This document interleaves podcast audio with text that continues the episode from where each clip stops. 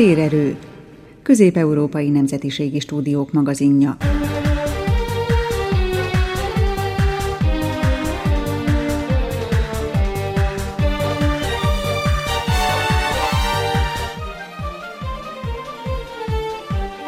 Köszöntöm Önöket, Forrai Szerénke vagyok Kolozsvárról. Színes, érdekes témákkal jelentkezik ma is a térerő. Több ezer zarándok, mint egy fél száz püspök, több érsek, valamint a román és a magyar kormány képviselőinek jelenlétében szentelték püspökké és iktatták érseki tisztségébe múlt szombaton a Gyulafehérvári Szent Mihály székesegyházban Kovács Gergelyt.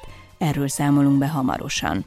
Hogyan menekült meg második Rákóczi Ferenc ebédlője? Mi volt Sziszi királyné szerepe a fejedelem újra temetésében? Milyen ajándékot kapott Rákóczi 14. Lajostól? Kiderül később a térerőből. A Maros megyei turizmus fejlesztéséről tájékoztatták a sajtót nemrég Marosvásárhelyen. A magyar és a szlovén nemzeti közösség helyzetének alakulásáról szóló kutatást mutatták be nemrég, a Muravidéki Magyar Rádió összeállítását halljuk majd a témában. A Temesvári Bartók Béla Liceum az elmúlt hétvégén rendezte meg a hatodik Talentum regionális természettudományi és informatika verseny döntőjét középiskolás diákok számára. A versenyről a Temesvári Rádió összeállításában hallunk majd. Tartsanak velünk!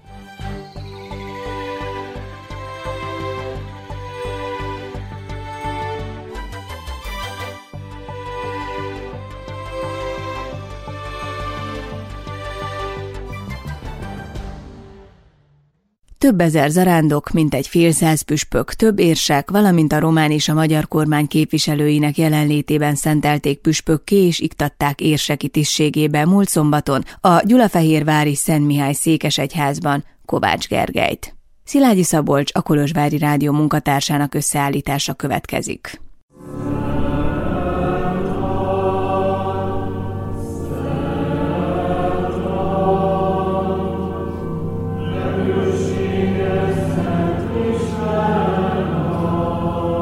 Az új érsek, Kovács Gergely, közel 30 éven át a Vatikánban élt. A kultúra pápai tanácsának, közérthetőbben a Szentszék kultuszminisztériumának volt irodavezetője, így, aki talán legjobban ismeri őt, az éppen a püspök szentelési ceremóniát vezető Gianfranco Ravasi bíboros, a kultúra pápai tanácsának elnöke.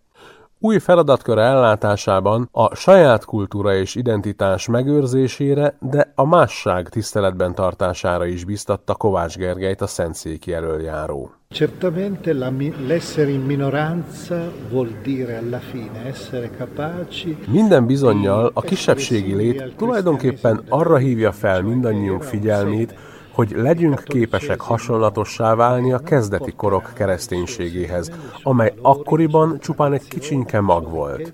Olyan magnak kell lennie, amely a romániai katolicizmus értékeit, hagyományait és gazdagságát ortodox testvéregyházunkkal együtt próbálja meg erőltetni, amely találkoztatja a latin kultúra sajátosságait a magyar kultúra egyediségével. Azt is mondhatnám, Gergely atya feladata hasonlít a határon őrtálló emberéhez, akinek jelenléte nem csak ott hordoz üzenetet, ahol elültették, hanem átterjed ezeken a határokon túl is.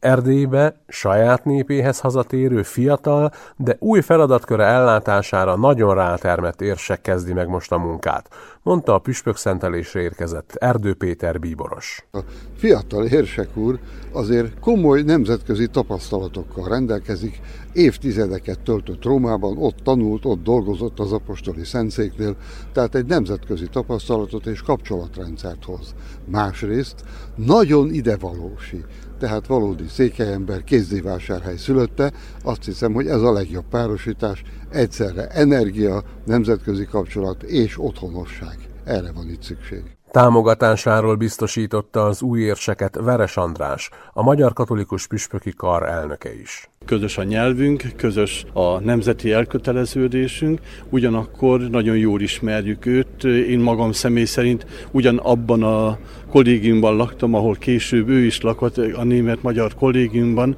tehát nagyon jó személyes kapcsolataink is vannak. Azért is jöttünk ilyen szép számmal, egyrészt a teljes magyar katolikus püspöki konferencia, másrészt pedig azok a volt diáktársak, vagy akik ugyanabba a kollégiumba kerültek annak idén kiküldetésre, minnyáján igyekeztünk eljönni erre a szentelésre, ezzel is erősítve az összetartozás érzését. A Szent Mise után egyházi és világi személyiségek köszöntötték az új érseket. Orbán Viktor miniszterelnök köszöntését Semjén Zsolt miniszterelnök helyettes olvasta fel.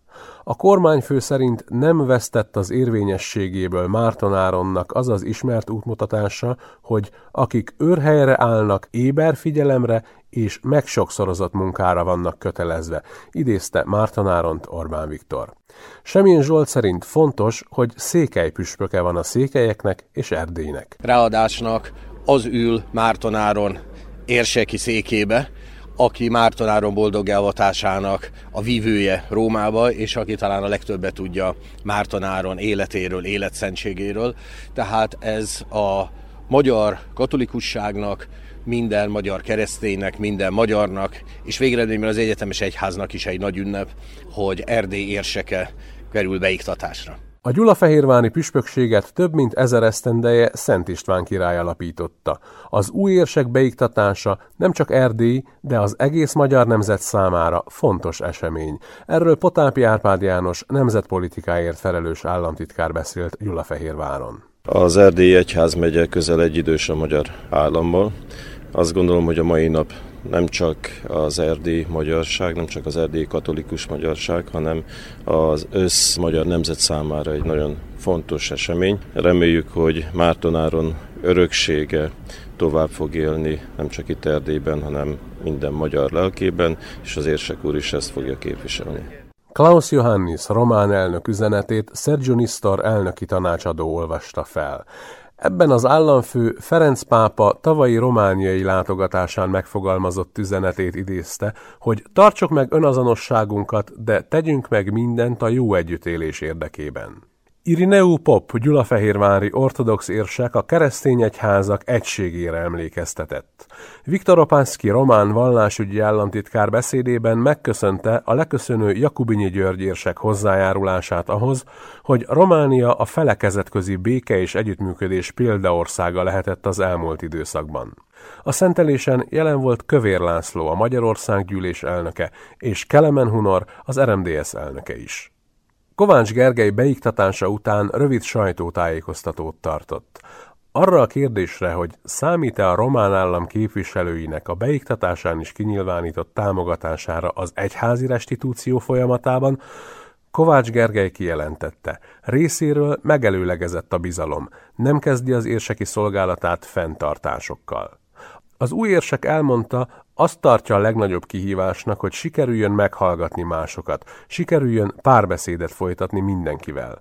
Óriási felelősségnek és nagy kihívásnak nevezte, hogy Márton Áron püspök nyomdokain indul el. Soha nem szerettem az, hogyha előre gyártott tervekkel érkezik valaki, egyszer konkrétan kell látni, hogy mi a helyzet, mik a adott körülmények, és majd ehhez képes kell terveket kidolgozni. Rengeteg vatikáni év van a háta mögött. Úgy gondolom, hogy ez egy óriási készletet nyújt az embernek, egyrészt tapasztalatok szintjén, másrészt azáltal is, hogy teljes közép-kelet-európa német nyelvterület, a kapcsolattartás, személyekkel való megismerkedés, a sokszínűség. Tehát mindenképpen egy olyan eszköztárat nyújt nekem, amelyet meg vagyok győződve, hogy nagyon jól lehet kamatoztatni itthon Erdélyben is. Kovács Gergely a Gyulafehérvári főegyházmegye harmadik érseke. Az 1011 éves egyházmegye 83. főpásztora és 16. székelypüspöke. Székelységére címerében is van utalás. A fenyőfa emlékeztet egyrészt az érsek szülőföldjére, másrészt Mártonáron püspök címerére. A nap és a növekvő félhold szintén kettős jelentést hordoz. Erdély címerében a nap és a hold a székely népet, keresztény szimbólumként a felkelő nap Krisztust, a hold pedig a napba öltözött asszonyt, vagyis Máriát szimbolizálja. Térerő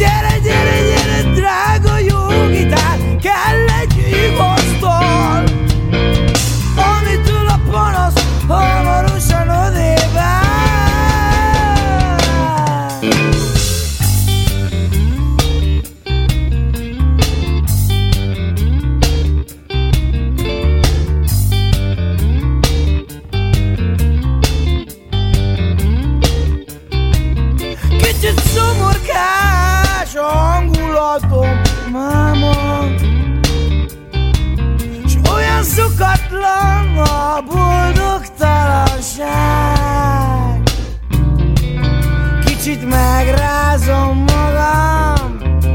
S ugye minden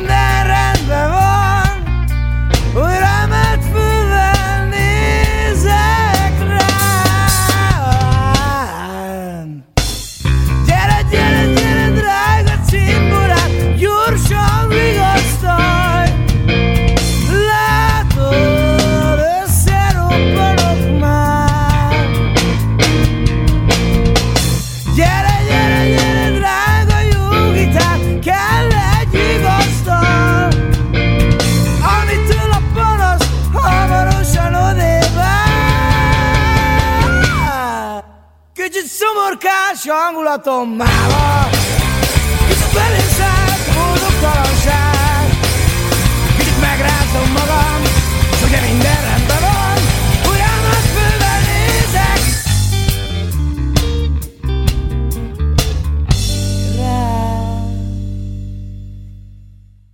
Hogyan menekült meg második Rákóczi Ferenc ebédlője? Mi volt Sziszi királyné szerepe a fejedelem újra temetésében? Milyen ajándékot kapott Rákóczi 14. Lajostól? A térerőben a Kassai Kelet-Szlovákiai Múzeum kezelésében álló második Rákóczi Ferenc emlékházat mutatjuk be, amelyet sokan csak Rodostói házként ismernek. Burák Jolán idegenvezető köteles Szabolcsot a Pozsonyi Pátria rádió riporterét kalauzolta végig a Kassa belvárosában található emlékhelyen. Ez a kassai rodostói ház, ez a másolata annak az épületnek, amelyben a törökországi számüzetése alatt élt második Rákóczi Ferenc. Hogy mit tud ennek a magának, ennek az épületnek a történetéről, kezd, kezdjük innen. Ahhoz, hogy a lényeget megértsük, el kell, hogy mondjam, hogy öm, 1905-ben Tali Kálmán és ő történész volt, és csapata hazahozták Rodostóból az ottani kinti ház éppen maradt dolgait, többek között magát az ebédlőt, de az ebédlőt ne bútorba gondolkodjunk, hanem ablakok, stukók, faszerkezet és a többi és már akkor fel akarták építeni a Rodostói ház gyakorlatilag mását, vagy hogy mondjuk, de nem volt politikai akarat. És nagyon ügyesen úgy döntöttek, hogy eldugják egy pincébe, be is valaszták a főutcán,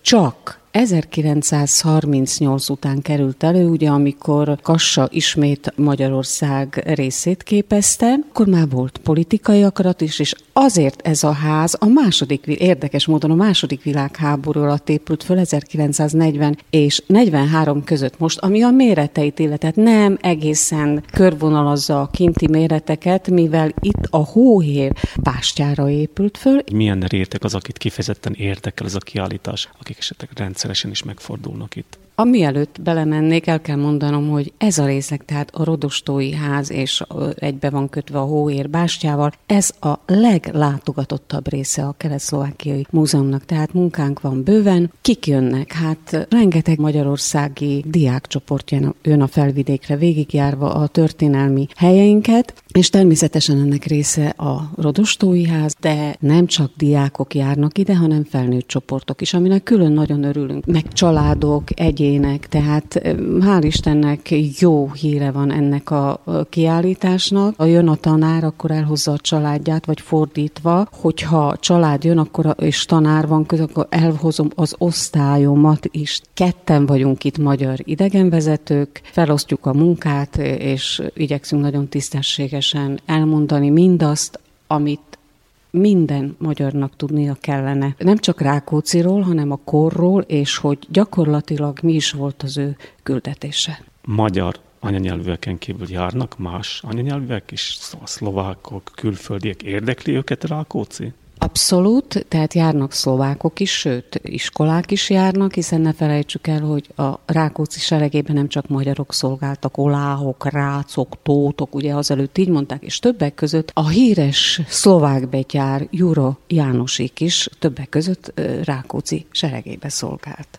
Ami pedig a látogatottságunkat illeti Új-Zélandtól, Egyesült Államokon keresztül, Kanadán, Izrael, Európa minden államából járnak ide, és még egy nagyon fontos dolog, hogy a Rákóczi Szövetség is nagyon nagy munkát végez, mert nyáronként összeszedi a külföldön élő magyar családok gyermekeit, elhozza Magyarországra, és külön táborokat szerveznek, és ezek a táborok gyakorlatilag ellátogatnak hozzánk is. Tehát 3, 400, 500 gyerek, és visszajárók vannak, tehát ez nagyon fontos.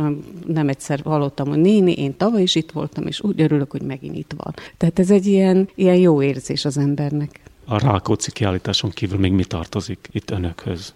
Ide tartozik hozzánk a Miklós börtön is. Na most, ami a börtönt illeti, gyakorlatilag ott a város történelme van fölvázolva egyes szellákon belül, e, a kis céheken, tehát a kis vállalkozásokon keresztül könyvnyomtatás, vasgyártás és a többi, és e, nagyon érdekes kiállítás szeretik a gyerekek, főleg amikor lemegyünk a kínzó helyiségekbe, a pincébe, és hát ott vannak viaszfigurák, és ott e, gyakorlatilag a derestől kezdve eredeti elemek vannak ott elhelyezve, nagyon élvezik a gyerekek. És van még itt egy képzőművészeti galéria is. Itt időszaki kiállítások vannak, nagyon érdekes és szép kiállítások vannak, és még hátul van a kézművesek háza, tehát itt az úgynevezett céhekkel, tehát a, a cipész, a, a, var, a varrással kapcsolatos dolgok. Nemrégen volt hentes kiállításunk, tehát itt a mesterségek vannak gyakorlatilag bemutatva. Volt mézes kalács kiállításunk, hát rengeteg ember volt rajta. Ha már itt vagyunk, akkor beszéljünk arról, hogy ki is volt valójában második Rákóczi Ferenc, így röviden.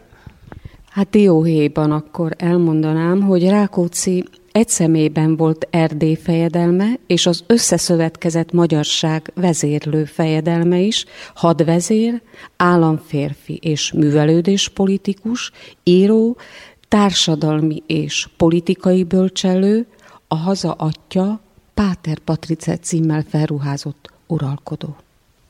Hát most már gyerünk, nézzük meg a kiállítást. Ebben a helységben mi, mi az, ami érdekes? Ebben a helységben az 1906-os temetéssel kapcsolatos eredeti relikviák vannak. Itt látjuk ugye a lómakettet, rajta a lótakaró, rajta a rákóciak és zrinyiek címerek kihímezve, külön erre a temetésre készítette egy budapesti hímzőkör, illetve látjuk az eredeti koszorúkat. Van egy rövid filmünk is, a, olyan 7 perces film A temetésről eredeti film, egy kamerás felvétel, első két harmad Kassa, utolsó egy harmad Budapest. Ez egy nagy esemény lehetett itt, amikor hazahozták második Rákóczi Ferenc. Persze, persze, ez fantasztikusan meg volt szervezve, de azt még el kell mondani, hogy nagyon sokáig feküdtek ezek a magyarok idegen földbe, és miért is feküdtek ott? Mert rajtuk volt az átok. Az amnestia rendelet nem volt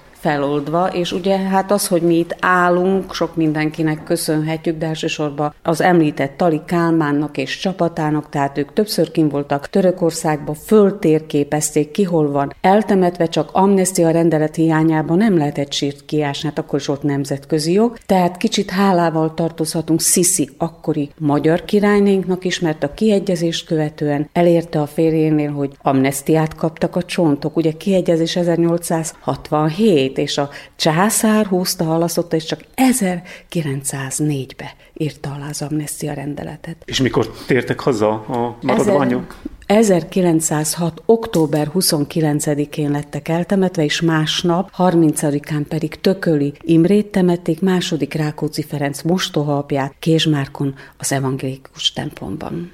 Hát egy óriási festmény előtt állunk. Hát ugye ez a fejedelem egyik kassai bejöveteléről szól, Kassát hűvárosának tartotta, nem véletlenül van itt eltemetve. Tudjuk, hogy itt van eltemetve egyébként Bátori Zsófia, a nagymama, és az édesapa első Rákóczi Ferenc is, ők a Premontrai templomban vannak, amikor Kassán volt, mindig meglátogatta ősei sírját. Ebbe a részbe a koporsójából előkerült halotti lepléből, ruházatából láttunk foszlányokat. Itt van az övcsatja, amelyet 14. Lajos ajándékozott neki, és itt van az ima könyvéből, am, itt tovább megyünk, amelyet Franciaországba, Párizs mellett használta Kolostorba, itt van belőle egy lap, és hol is van kinyitva? Hiszek egy Istenben. Hívő katolikus ember volt második Rákóczi Ferenc. Hát akkor most feljebb megyünk egy szűk lépcsőn.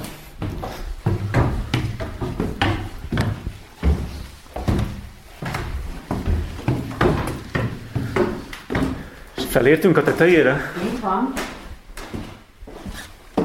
Bejöttünk, uh-huh. bejöttünk az úgynevezett eredeti ebédlőbe, erről meséltem lent, hogy még ezt 1905-ben hazahozták Tali Kálmánék, és ellutták Kassán a főutcán egy pincébe, tehát itt látjuk a stukokat, látjuk a mediterrán ablakokat, fantasztikusan szép mintázatú, és ez a faszerkezet, amiről lent meséltem, ez a fejedelem keze munkáját dicséri, tehát a ez is, ez a minden, minden amit így a van, a díszítés, a méretek, a beillesztése, és a pipatórimus az ő munkája, a pipák nem, az már más alatt tudjuk, hogy ők nagyba pipáztak, ugye hát abban az időben ez volt a kedvenc időtöltés, hogy tisztázzuk a rodostói ház küldetését, tehát ez nem lakóház volt, hanem ez közösségi ház volt. Rákóczi máshol lakott. Amikor Rákóczi rájött, hogy nem fog tudni visszatérni, tehát, hogy ő ott fog meghalni, akkor ő ebbe belebetegedett, tehát gyakorlatilag egy nagyon szép férfiről beszélünk, nagyon szép piros posgás, jó megjelenésű ember volt, és az, az ember egyszer csak átment sárkába, és akkor már tudták, hogy igen-igen nagyobb baj, és 1735. április 8-án, nagypénteken adta át a lelkét a mindenhatónak, második Rákóczi Ferenc Rodostóba. Meg kell, hogy említsem Márai Sándor, világhírű kassai írónk egyik kedvenc íróját, Mikes Kelement is, hála neki. A törökországi levelekbe szinte krónikaszerűen leírta a kint élő magyarok mindennapjait, külön figyelve második Rákóczi Ferenc mindennapjaira, leírta a halálát hogy keveset evett a fejedelem, olyan érzésem volt, hogy megkönnyebbült az állapota. Ketten bekísértük a szobájába, lefektettük. Éjfél után nehezen kezdett lélegezni, ott álltunk fölötte a pappal, a pap állandóan beszélt hozzá, második Rákóczi Ferenc beszélni már nem tudott, de mindent értett, csak a könnyei csurogtak.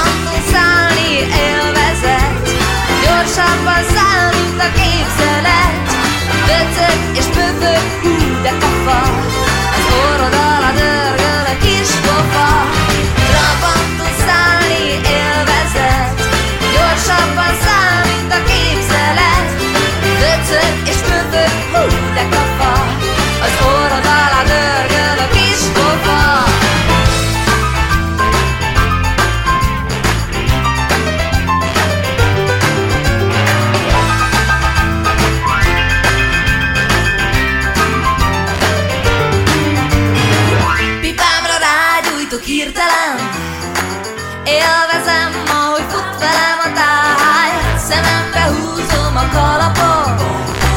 Ne is lássam, hogy elhagytál Szerelmeim mind a műszerek. Imádom azt, hogy összekúszálnak Idáig kellett, hogy várjak rá. Hogy ezt ne vegyem a diplomámnak.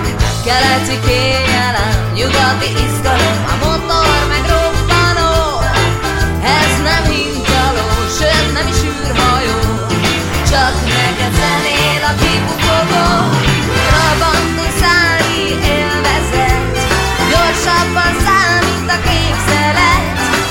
Döcög és pöfög, hú de kafa Az orrod alá dörgöl a kis pofa Trabantó szállni élvezet.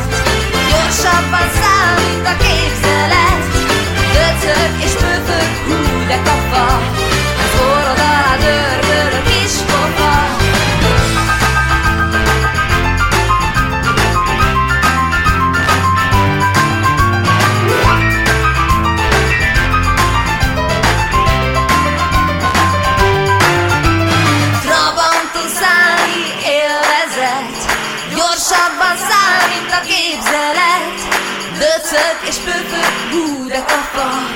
Az orrod alá dörgöl a kis pofa. Trabantó szállni döbbenet. Hátul meg kijön a pöffenet Csühög és püfög, hú de kafa. Az orrod alá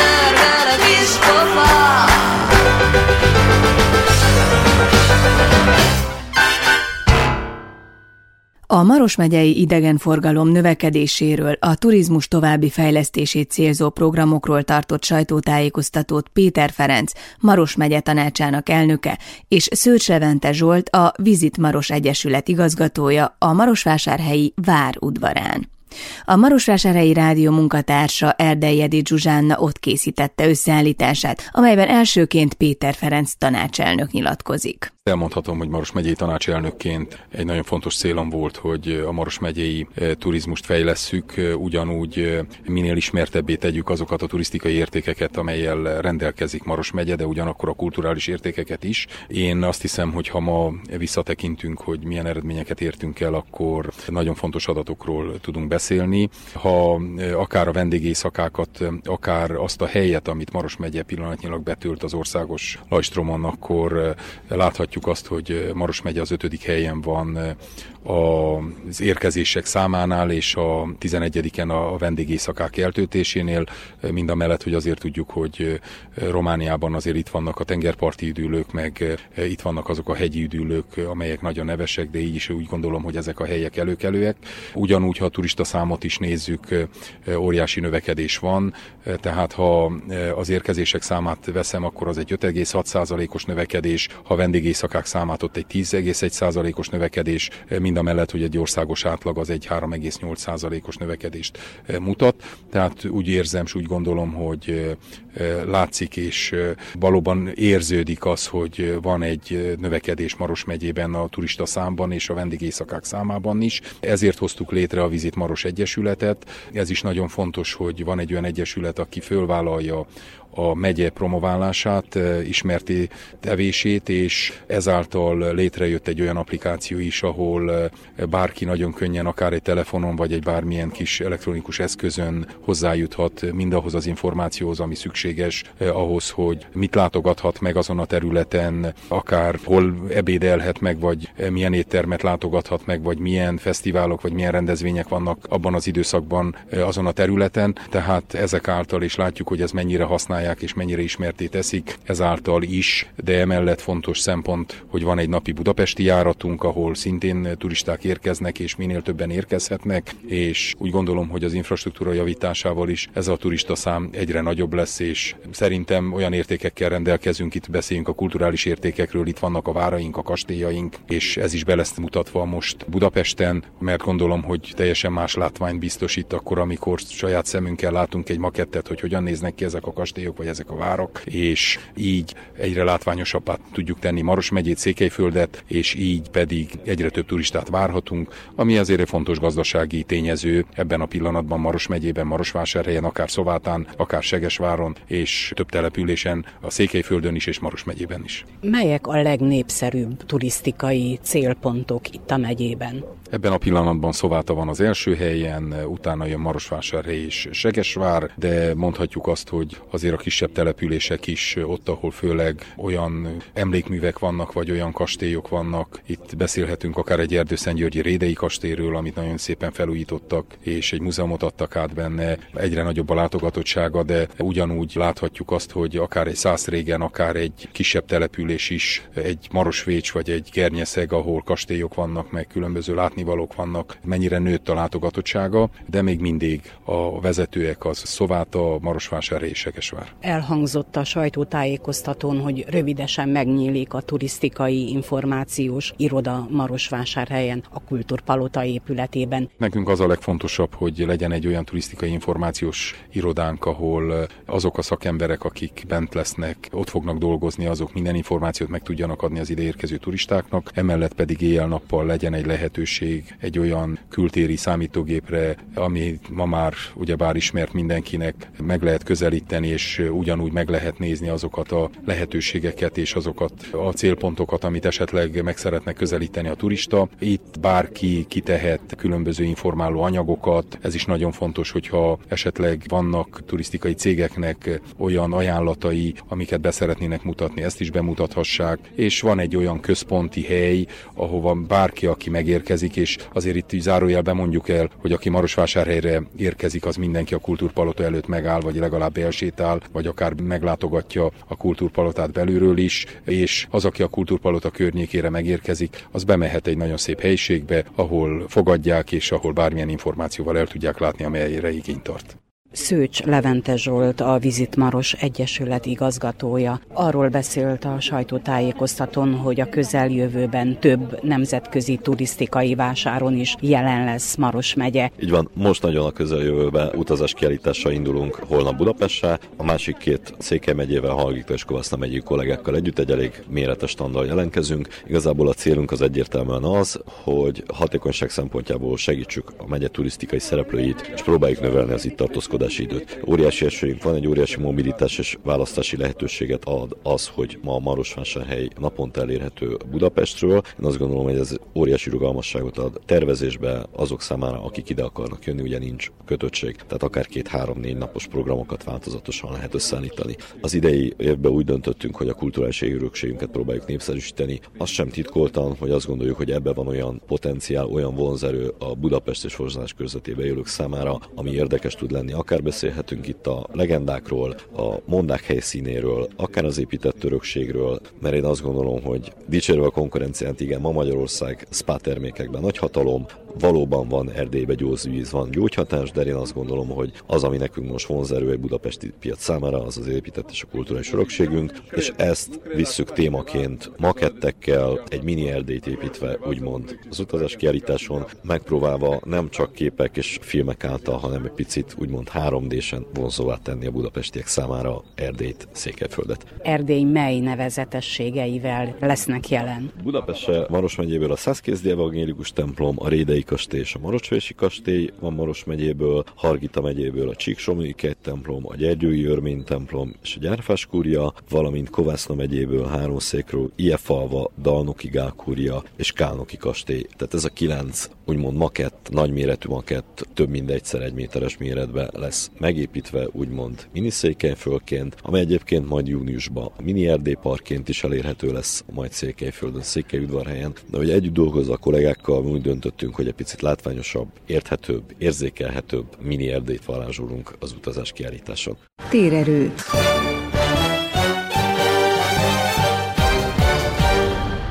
Szlovénia és Magyarország 1992-ben kötötte meg a Magyar Köztársaságban élő szlovén nemzeti kisebbség és a szlovén köztársaságban élő magyar nemzeti kisebbség külön jogainak biztosításáról szóló egyezményt. A kisebbségek kollektív külön jogairól rendelkező dokumentum adott alapot a Jubjanai Etnikai Kutatóintézet és a Budapesti Kisebbségkutató Intézet szakembereinek a magyar és szlovén nemzeti közösség helyzete alakulásának közös kutatásához. A kutatás megállapításait és a kisebbségpolitikáról szóló tanulmányokat a Bilaterális Kisebbségvédelem című kötetben adták ki szlovén és magyar nyelven. Bemutatását Budapesten szervezték meg. Fehér Ilona készített beszélgetést beszámolót az eseményről. 1992-ben az volt a feladatunk, hogy elkészítsük a kisebbségvédelmi egyezmény szövegének tervezetét, mondta a könyvbemutatón Mirán Komács, a Ljubljanai Etnikai Kutatóintézet szakembere, a Bilaterális Kisebbségvédelem című kiadvány szlovén részének szerkesztője. Abban az időben az egyezményen rajta kívül Hajós Ferenc és Mitya Zságár dolgozott. Az egyezmény a Magyarországon élő szlovén nemzeti kisebbség és a Szlovéniában élő magyar nemzeti közösség külön jogainak biztosítását szavatolja. De vajon a 27 évvel ezelőtt hatályba lépett dokumentum meghozta a várt eredményt? Javult-e a nemzeti közösségek helyzete?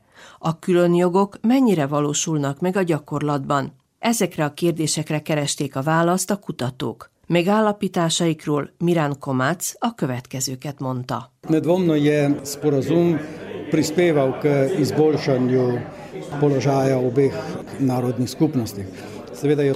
Az egyezmény kétségtelenül hozzájárult a két nemzeti közösség helyzetének javításához. Természetesen ez területtől területig különbözik, mivel a fogalmi szóanyag is különbözik. Például az oktatás esetében mit jelent a kétnyelvű oktatás Szlovéniában, és mit jelent Magyarországon. Kétségtelenül hozzájárult a határok teljes megnyitásához. A kérdésre pedig, hogy valójában hozzájárult-e a két terület anyagi bázisának megteremtéséhez, amely lehetővé tette volna ezek fejlődését, nehezen adunk pozitív választ. Ennek egyik oka bizonyára az, hogy a két kisebbség a periférián él. Nem tudom, hogy mit lehetne tenni e téren. Az egyezmény ehhez biztosít alapokat, de hogy van -e ehhez elég emberi erőforrás, elég szellemi erőforrás, azt nem tudom. A bemutató során említette, hogy az egyezmény ténylegesen papírkeretet biztosít a különjogok megvalósításához. Ki vagy kik azok, akik hozzásegíthetnek ahhoz, hogy ezek a gyakorlatban megvalósuljanak? Van-e ehhez elegendő politikai akarat? Politične volje mogoče nimamo dovolj, ne? ampak pri manjšinah je tako, da si je treba voljo vzeti. Talán nincs elég politikai akaratunk, de a nemzeti közösségeknél ez úgy van, hogy akarni kell, mert másként nem megy. Inkább az a fontosabb kérdés, hogy mekkora az életerő a két nemzeti közösségen belül, és hogy ezek a közösségek elég nyitottak-e. Ez talán egy kicsit ellentmondásosnak hangzik, de a kis közösségeknek a túléléshez nyitniuk kell. Most pedig látjuk, hogy a kis közösségek bezárkóznak és fizikailag elhalnak. Talán ez a jelenség tragikusabb a Rába vidéken, mint a Muravidéken, de a Muravidéken sem igazán lelkesítők az adatok.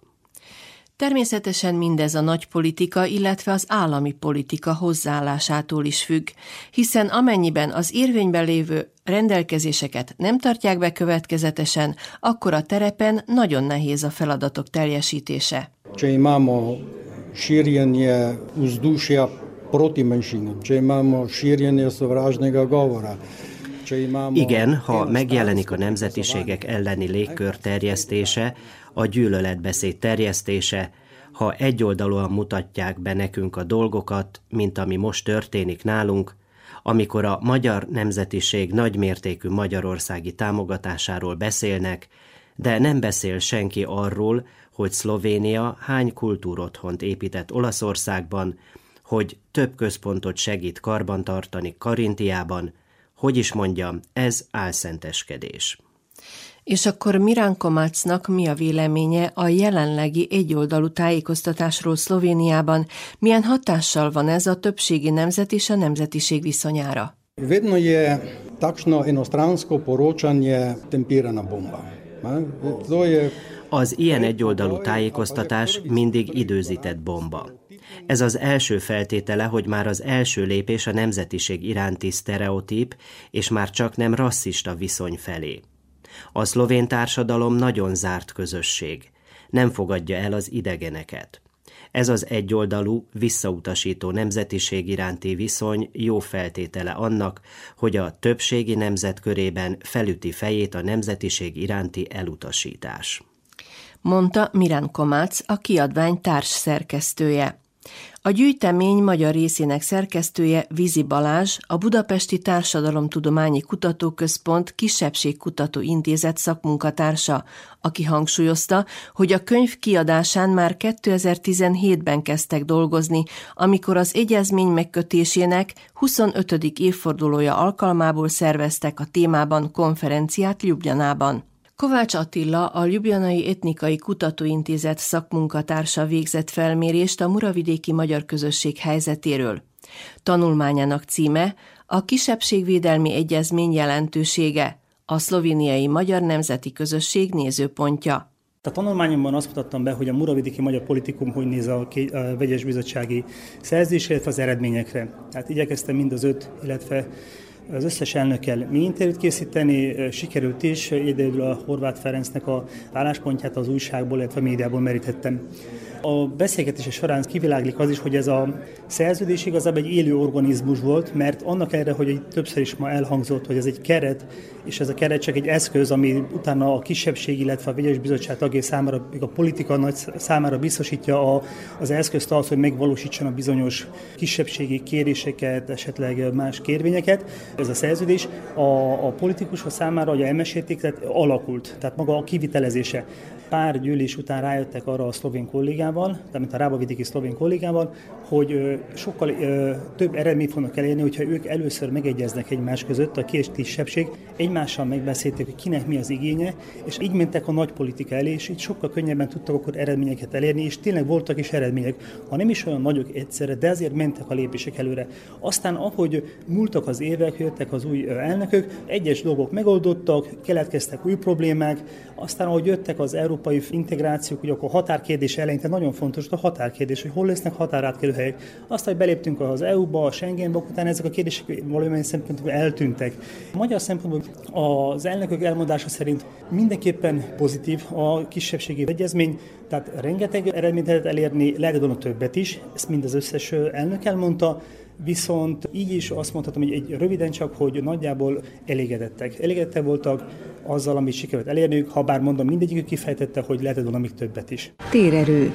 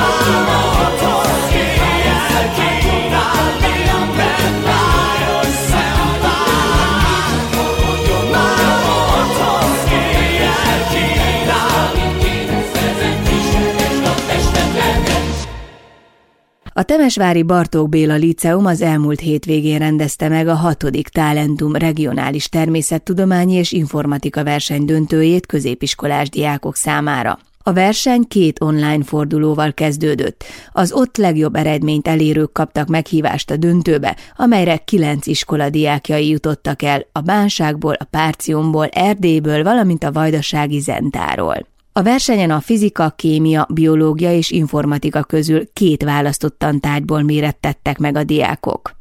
Idén két első díj nagy szalontára, egy zentára került, egy pedig Temesváron maradt. De a versengés mellett a kiegészítő programokat, a barátkozás lehetőségét szervezők és résztvevők egyaránt fontosnak tartották.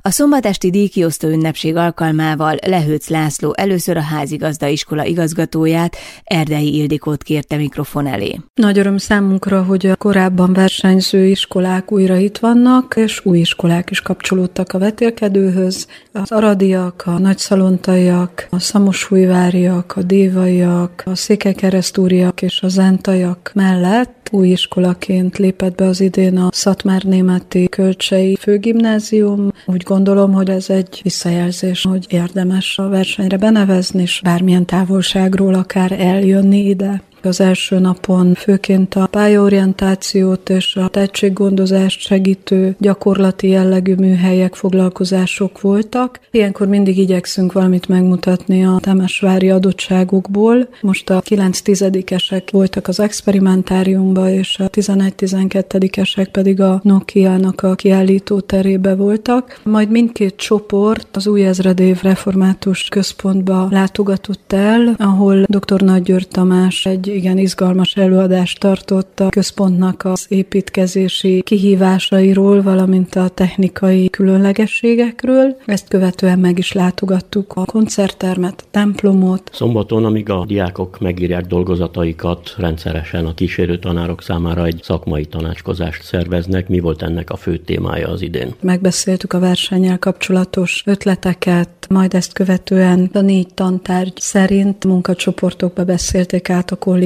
azokat a kérdéseket, ami foglalkoztatja őket. A diákok négy tantárgy közül kémia, biológia, fizika és informatika közül választhatnak kettőt. Mi a legnépszerűbb a diákok körében? Szinte kiegyenlített a választások száma. 16 és 21 között mozog. Tavaly kevesebb számítástechnika volt, most számítástechnikából van a legtöbb. De igazándiból ez elenyésző ez a különbség. Minden tantárgyat kellőképpen szeretnek vagy választanak a diákok. Szervezőként hogy látja, mi a legfőbb haszna ennek a vetélkedőnek, amely túlmutat kicsit a dolgozatok megírásán, egymás közötti megmérettetésen a diákok számára? Én nagyon fontosnak tartom, hogy a szaktanárok megismerkednek, és nagyon sokat tanulnak egymástól a kollégák. Az intézmények közötti partnerség erősítése is egy fontos cél, de ugyanakkor a diákok ismerkedhetnek. Egy részük szorványból jön, mások ugye a határ másik oldaláról érdekes megnézni, hogy ki hogy vélekedik a mindenféle kérdésekről, és barátságok alakulnak. Tudom, hogy vannak olyanok, akik azért jöttek el most a Talentum versenyre, mert a mákvirágon már találkoztak, vagy mert a tavaly itt voltak, vagy vannak olyan diákjaink, akik azért jelentkeztek segítő diáknak, mert hogy tudták, hogy jönnek olyan diákok, akikkel valami másik táborba találkoztak, úgyhogy ezek a kapcsolatok igen fontosak, úgy gondolom, és ez legalább annyira fontos, mint a tanárok közötti kapcsolat. Veres Dóra Viktória, a Nagyszalontai Arany János Elméleti Liceum 9. osztályos diákja, a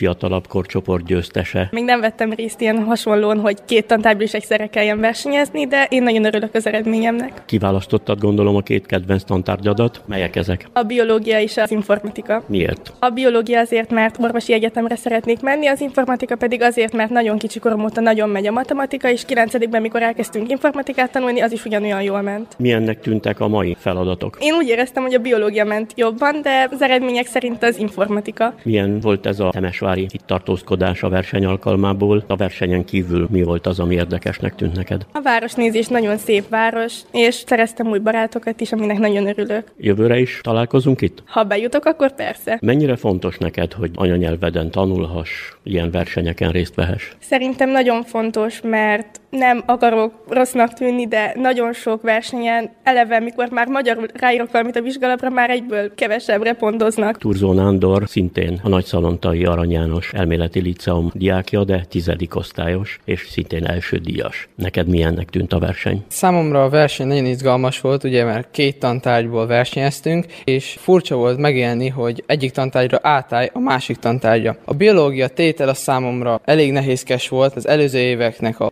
tételsora sokkal könnyebb volt. Az info viszont megközelíthető volt, azok némileg feljebb voltak szintileg, mint az iskolai tananyag. És egyébként milyen volt ez a Temesvári két nap? Nekem nagyon jól telt. Tettünk egy látogatást tegnap az új ezredév templomba, aminek a bemutatója az építéséről számomra nagyon izgalmas volt. Nagyon izgalmas volt megnézni, hogyan készült az alapoktól. És a szabadidő hogy telt? Körbenéztük a várost, így a központot, mert én erre szeretnék jönni, a Politechnika Egyetemre, informatika szakra, és ezért jó volt megnézni, hogy mivel fogok szembe találkozni. A Nagyszalontai Arany János gimnázium csapatának kísérő tanára, a Szalos Ágnes. Milyen kedvel jelentkeznek az iskola diákjai erre a talentum versenyre? Az elején nagyon-nagyon sokan próbálnak jelentkezni, de hát ugye több fordulós a verseny, és csak a legkitartóbbak jutnak el ide, Temesvára már a döntőbe. Hogy látja, milyen ez a verseny a diákok számára? A legjobb ebben a versenyben az, hogy a tananyagot kérik. Tehát nem szállnak el a feladatokkal mondjuk így, mint a többi verseny esetében, és így van sikerélmény a diáknak, és ezt nagyon szeretik a diákok. Tehát az, amit effektív az iskolában tanulnak, azt kérik tőlük, és nagyon kevés az, amit esetleg pluszba, inkább a logikán, vagy egy kicsit elgondolkodható feladatok, de nem egy teher számukra, és ezt nagyon szeretik. Varga Dávid a Bartók Béla Liceum 11-es diákja, másodszor résztvevője a Talentum vetélkedő döntőjének, másodszor első díjas. Hogy sikerült? Nem tudom szavakba foglalni, hogy hogy sikerült. Bementem az osztályba, nagyon izgultam, viszont mindig, amikor a verseny elkezdődik és a tételt megkapjuk, akkor eltűnik minden izgulás, és nem is értem, hogy miért izgulok annyit. Milyen tantárgyakat választottál? Informatikából és fizikából írtam, mert ebből tartom magamat eléggé jónak és esélyesnek. Nem csak versenyből állt ez a néhány nap, hanem kikapcsolódásból, tapasztalatszerzésből. Mi volt számodra érdekes ebből? Nekem a versenyen is fontosabb a barátok voltak, akik jöttek, új személyekkel megismerkedtem, régi személyekkel újra találkoztam, nagyon jó érzés volt. A 12. osztályosok kategóriájának győztese Hugyi Kornél, az Entai Bolyai Tehetséggondozó Gimnázium és Kollégium diákja. Milyenek voltak a feladatok? Izgalmasak voltak a feladatok, egészen végig gondolkoztam, hogy meglegyenek a megoldások, és szerintem jó verseny volt. 12-es vagy, gondolom nem először veszel részt. Igen, most jövök másodszorra. Tavaly nem értem el ilyen jó helyezést, de tavaly is tetszett a verseny nagyon. Milyen tantárgyakat választottál? Idén fizikát és informatikát, tavaly pedig fizikát és kémiát. Miért váltottál? Idén már nem tanulunk kémiát, és akkor úgy gondoltam, hogy informatikából most erősebb vagyok. Milyenek voltak az online fordulók? milk. Nehezebbek voltak szerintem, mind a mostani fordulók, de ott több ideje is volt az embernek gondolkozni rajta. És a mai verseny? A mai verseny is, ezért nem mondanám könnyűnek. Voltak nehézségei, de nem volt olyan nehéz, mint az online forduló. Hogy érezted magad itt Temesváron? A versenyen kívül mi volt az, ami érdekes vagy szép volt? Szép a város is, tetszik nekem Temesvár. Körbe mentünk ebben a szép városban, láttunk szép helyeket, találkoztunk régi ismerősökkel, szóval szerintem jó élmény volt. Mit jelent számodra az, hogy ez a verseny magyar nyelven folyik? Mennyire fontos ez? Hát ha nem magyar nyelven folynak, akkor nem is tudnák versenyezni rajta, mert magyar nyelven kívül más nyelvet nagyon nem beszélek. Mennyire fontos számodra az anyanyelv? Így tudok kötődni az őseimhez, a kultúrámhoz.